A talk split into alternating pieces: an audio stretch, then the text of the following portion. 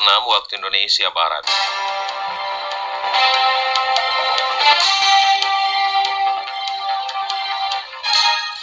Selamat pagi pendengar, inilah Warta Berita Daerah edisi hari ini Rabu tanggal 26 Agustus 2020. Pendengar pemerintah Kecamatan Serasan berharap pihak PLN dapat melakukan revitalisasi terhadap fasilitas dan prasarana listrik yang ada di wilayah tersebut. Pemerintah Provinsi Kepulauan Riau pada tahun ini menggelontorkan dana sebesar 54 miliar rupiah untuk peningkatan pembangunan di Kabupaten Natuna. Dari Sepompang Natuna inilah warta berita daerah selengkapnya. Berita yang pertama, Pemerintah Kecamatan Serasan berharap pihak PLN dapat melakukan revitalisasi terhadap fasilitas dan prasarana listrik yang ada di wilayah tersebut. Laporan Yuspianti. Berbagai fasilitas sarana dan prasarana listrik seperti tiang listrik di Kecamatan Serasan perlu dilakukan revitalisasi agar tidak membahayakan masyarakat dan pelanggan listrik di kecamatan tersebut. Camat Serasan Wendriadi ketika dihubungi via telepon oleh RRI mengatakan beberapa tiang listrik yang berada di Kecamatan Serasan kondisinya sudah tidak layak dan beberapa di antaranya berada dekat pemukiman masyarakat. Beberapa tiang yang sudah tidak layak itu sedikit menyebar di beberapa desa dan kelurahan. Uh, cuman yang dekat dengan pemukiman itu yang di kelurahan Serasan, tepatnya di Jalan Entahes, yang memang memiliki beberapa tiang yang sudah sangat darurat sekali dari pemasangan instalasi kabelnya dan tiangnya sudah sangat lama dan berkarat. Selain tiang listrik, Wendriadi juga berharap untuk kepentingan jangka panjang, pihak PLN dapat mengupayakan pemindahan bangunan mesin listrik di Kecamatan Serasan. Saat ini yang dibangun dekat dengan jalan raya serta area pemukiman warga. Membicarakan tentang listrik, PLN, iya. saya mengharapkan memang untuk kebutuhan jangka panjang sudah selayaknya PLN itu dipindahkan yang tidak berdekatan dengan pemukiman lagi. Nah memang sekarang gudang mesin PLN itu berdekatan daerah-daerah pemukiman masyarakat selain uh, kebisingan juga risiko hal lain yang harus diantisipasi ke depannya. Untuk mesinnya berada di mana sebenarnya Pak? Daerah mana? Di, tepatnya di perbatasan desa Hilir dan Kelurahan Selatan. Jarak dari jalan itu hanya sekitar 5 meter. Kalau kita lewat jalan umum itu panasnya terasa. Paling 3 meter, 4 meter lah saya kira. Dan mesinnya itu dengan jalan listrik PLN yang ada di Kecamatan Serasan telah berdiri sejak tahun 1980-an dan hingga saat ini tiang listrik tersebut belum pernah dilakukan revitalisasi. Terkait permasalahan tersebut, pihak pemerintah kecamatan telah menyurati usulan kepada pihak PLN, namun hingga saat ini usulan tersebut masih belum dapat terrealisasi. Pelanggan listrik PLN di kelurahan dan desa-desa di Kecamatan Serasan saat ini telah merasakan aliran listrik dari PLN selama 24 jam. Demikian Yuspianti melaporkan. Pemerintah Provinsi Kepulauan Riau pada tahun anggaran 2020 telah menggelontorkan dana sebesar 54 miliar rupiah di Kabupaten Natuna. Dari anggaran sebesar itu, 19 miliar rupiah digunakan untuk pengembangan dan pembangunan jalan poros Batu Biklari yang menghubungkan Kecamatan Bunguran Utara dengan ibu kota Kabupaten Natuna. Saat ini, pembangunan jalan lingkar di Kabupaten Natuna menjadi prioritas pemerintah Provinsi Kepulauan Riau. Hal itu disampaikan Gubernur Kepulauan Riau Isdianto di Ranai dalam kunjungan kerjanya di Natuna. Menurutnya, akses jalan di daerah ini harus diselesaikan guna peningkatan kesejahteraan masyarakat di Natuna. Karena itu, bila akses jalan lancar, maka masyarakat akan semakin mudah untuk melakukan kegiatan ekonomi, terutama akses ke ibu kota Kabupaten Natuna. Untuk Jalan Batu Biklari sepanjang 10 km ditargetkan akan selesai pada tahun 2021 mendatang.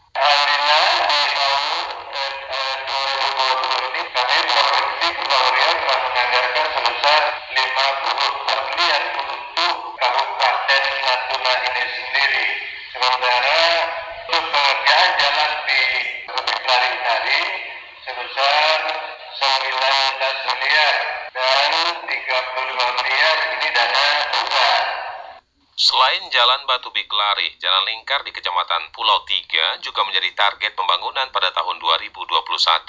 Dalam kunjungan kerjanya, Isdianto menyempatkan diri meninjau langsung kondisi jalan poros yang menghubungkan Kecamatan Bunguran Batubi dengan Kecamatan Bunguran Utara. Target pemerintah provinsi, jalan poros itu akan diselesaikan secara bertahap dengan menggunakan APBD Provinsi Kepulauan Riau.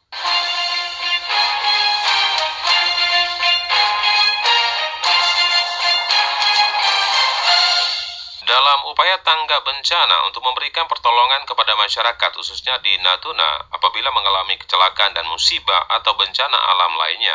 Kantor Pencarian dan Pertolongan SAR Natuna berencana menempatkan personilnya untuk bersiaga di kecamatan pulau terluar di Indonesia, yaitu di pos unit siaga SAR Pulau Laut. Hal tersebut disampaikan Kepala Kantor Pencarian dan Pertolongan SAR Natuna Mexianus Bekabel dalam acara Kopi Morning bersama awak media pada Senin sore di salah satu KP di Natuna. Meksi menyampaikan, selain di Kecamatan Pulau Laut, Kakan Sar Natuna juga telah merencanakan penambahan pos unit siaga Sar Natuna di Pulau Midai dan Serasan untuk tahun 2021 mendatang. Meksi menyampaikan beberapa perlengkapan akan diberikan pada personil yang bertugas, seperti perahu karet dengan mesin 40 PK. Dengan adanya pos unit SAR ini diharapkan apabila terjadi kecelakaan personil SAR bisa secepatnya berkoordinasi dengan pos Angkatan Laut dan kantor SAR agar upaya pencarian dengan kapal SAR Sasi Kirana dapat segera dilakukan. Dalam menunjang kegiatan belajar secara daring di rumah, pihak perusahaan Telkomsel menyediakan paket kuota sebesar 10 giga dengan harga Rp10.000. Kuota internet khusus untuk kegiatan belajar tersebut merupakan gabungan layanan antara Ilmupedia dan Conference. Paket khusus pembelajaran yang hanya berlaku bagi pelanggan prabayar Telkomsel serta kartu perdana bertanda kuota belajar satu bulan cukup sekali pembelian. Dalam menyikapi kuota internet murah tersebut, Kepala SMA Negeri 1 Pengurangan Timur Laut Sahidin mengakui cukup membantu bagi siswa dalam memperoleh kuota internet untuk kegiatan belajar di rumah atau sistem daring. Terlebih lagi, untuk di Natuna masih belum dapat dipastikan hingga kapan belajar sistem daring tersebut selesai. Uh, sudah, cuman yang kota termurah itu yang perlu kita pahami itu untuk dapat digunakan pada aplikasi tertentu. Yang kedua, untuk satu nomor cuma bisanya satu kali sebulan. Bidding cycle-nya satu 30 hari pemakaiannya terbatas. Memang betul-betul khusus untuk aplikasi-aplikasi yang memang disebutkan tidak sembarang dapat digunakan. Sementara itu untuk kuota 10 giga dengan harga Rp10.000 khusus dalam menunjang kegiatan belajar siswa dan tidak dapat digunakan sembarangan aplikasi termasuk WhatsApp. Paket murah yang disediakan oleh Telkomsel mulai dari tanggal 23 Agustus hingga 31 Desember 2020 mendatang. Pendengar, objek wisata Batu Kasa yang berada di Kecamatan Bunguran Selatan merupakan salah satu taman bumi atau geopark nasional. Kawasan ini akan dikembangkan menjadi objek wisata yang lengkap oleh SKK Migas dan K3S. Selengkapnya mengenai Batu Kasa, kita dengarkan picture yang akan disampaikan Jalia Winarti. Kalau sekarang dibandingkan dulu batu kasah lebih bagus, mungkin lebih terawat. Pokoknya sama belukar itu yang bersih secara pribadi. Dan kakak Pigas kita tuh, itu kan mau bantu pengembangan geopark nasional Natuna.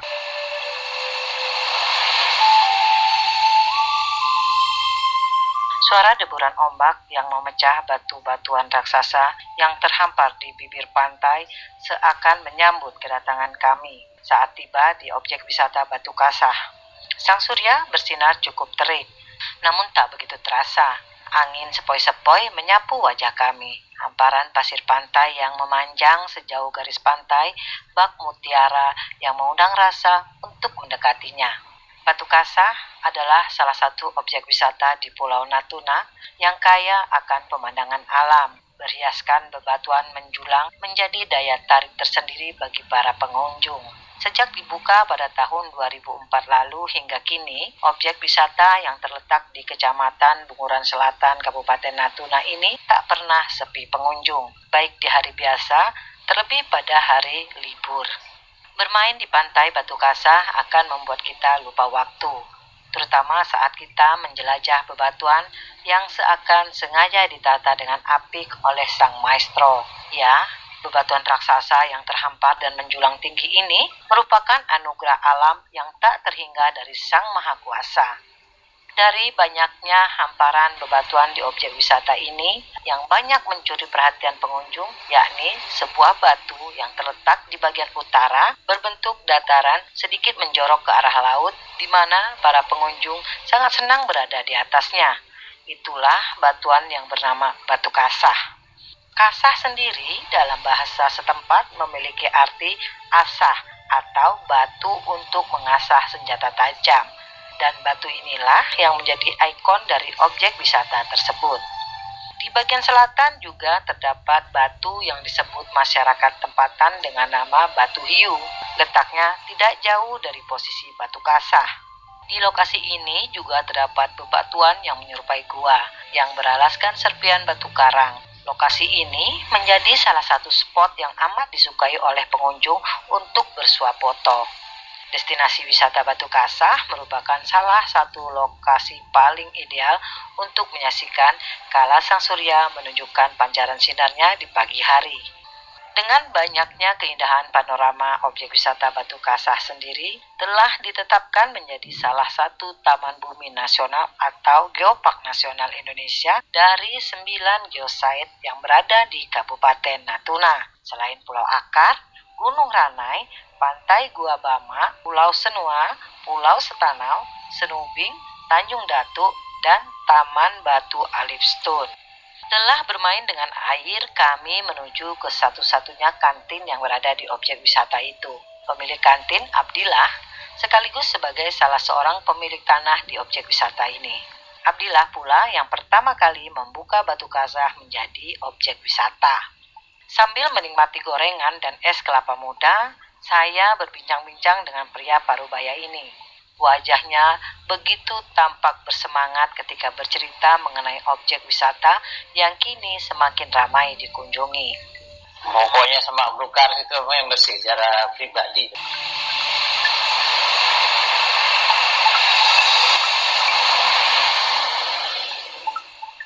Pertama kali dibuka, Abdillah sempat dipercaya mengelola objek wisata ini sebelum diambil alih badan usaha milik desa setempat.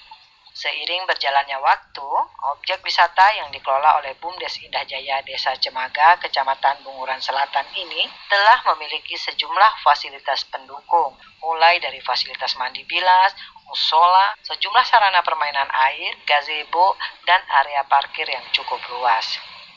Yati, pengunjung Batu Kasah yang saya temui tengah asik menikmati suasana pantai, mengaku senang dengan fasilitas yang saat ini dimiliki oleh objek wisata tersebut. Terlebih mengingat Batu Kasah saat ini telah tercatat sebagai salah satu taman bumi atau geopark nasional. Kalau sekarang dibandingkan dulu Batu Kasah lebih bagus, mungkin lebih terawat, tempat parkirnya luas. Kalau dulu kan susah kita mau nyari tempat parkir, lebih bersih. Kenyamanannya pun musola sudah ada, jadi kalau kita mau sholat Uh, udah ada, enak air pun sudah lancar. Soalnya juga daerah kita nih bisa dikenal di luar. Jadi wisatawan kan bisa mudah masuk.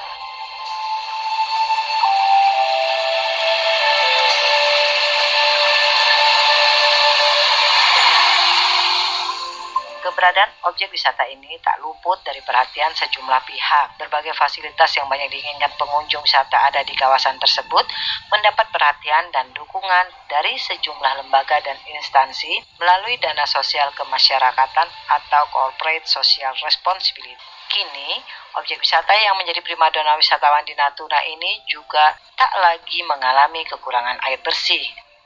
Abdillah pun sempat mengantarkan saya melihat fasilitas penampungan air yang merupakan bantuan dari Satuan Kerja Khusus SKK Migas dan kontraktor kontrak kerjasama K3S Migas yang melakukan eksplorasi dan eksploitasi di Natuna. Objek wisata Batu Kasa juga sudah dilirik oleh K3S untuk dikembangkan menjadi objek wisata yang lengkap. Wacana pengembangan ini merupakan salah satu program K3S dalam pengembangan kawasan wisata Geopark. Saat ini rencana tersebut sudah sampai pada tahap kesepakatan dengan pemilik lahan di mana pengembangan akan dilakukan. Menurut Kepala Dinas Pariwisata dan Kebudayaan Natuna Hardinansah, dari kesepakatan antara SKK Migas, K3S, dan pemilik lahan, maka pengembangan akan dilakukan secara keseluruhan dengan sistem pinjam lahan selama 10 tahun. Di Dipilihnya objek wisata Batu Kasa ini juga berdasarkan hasil survei yang dilakukan oleh tim lapangan dari SKK Migas dan K3S sebelumnya. Karena sebelumnya Dinas Pariwisata dan Kebudayaan Natuna telah mengusulkan semua geosite yang ada untuk dikembangkan. Namun kontraktor-kontrak kerjasama lebih memilih Batu Kasa. SKK Migas kita tuh itu kan mau bantu pengembangan geopark nasional Natuna. Jadi kan beberapa alternatif geosite itu kan kita usulkan. Jadi survei-survei-survei kemarin, kemudian kita pergi ke Batu Kasa, juga SKK Migas ikut dari konsultannya. Nampak deh eh, SKK Migas itu tertarik di Batu Kasa nah, dengan berbagai pertimbangan. Jadi kunjungan wisatanya sudah jalan, kemudian ada pengelolanya,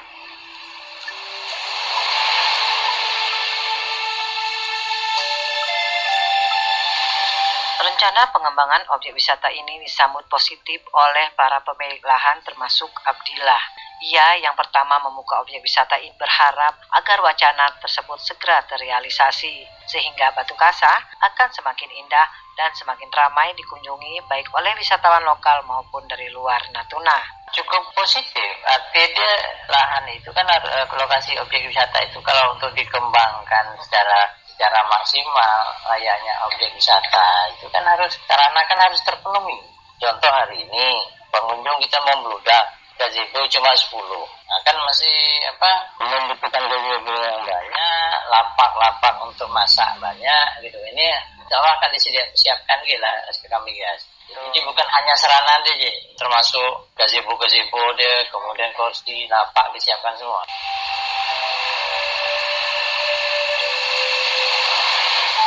Secara perlahan tapi pasti, objek wisata Batu Kasah kini dirasakan semakin mencuri perhatian dan tidak hanya warga Natuna sendiri, tapi juga para pelancong dari luar yang memang sengaja berkeinginan untuk melihat indahnya panorama alam Natuna. Tak terasa hari sudah hampir senja. Matahari pun mulai menyembunyikan diri di ufuk barat. Tiba waktunya bagi saya untuk kembali ke rumah, meninggalkan Batu Kasah dengan semua keindahannya.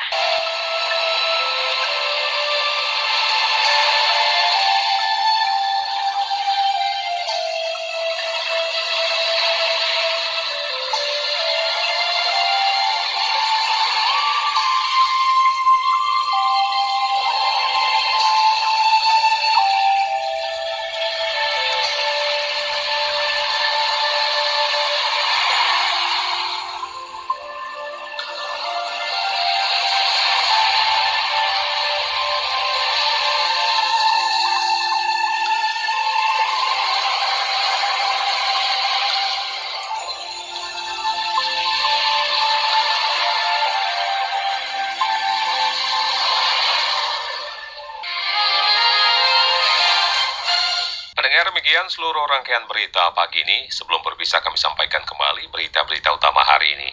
Pemerintah Kecamatan Serasan berharap pihak PLN dapat melakukan revitalisasi terhadap fasilitas dan prasarana listrik yang ada di wilayah tersebut.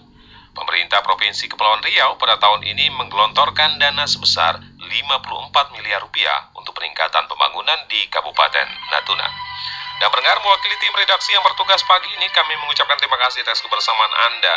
Selamat pagi, selamat beraktivitas, dan sampai jumpa.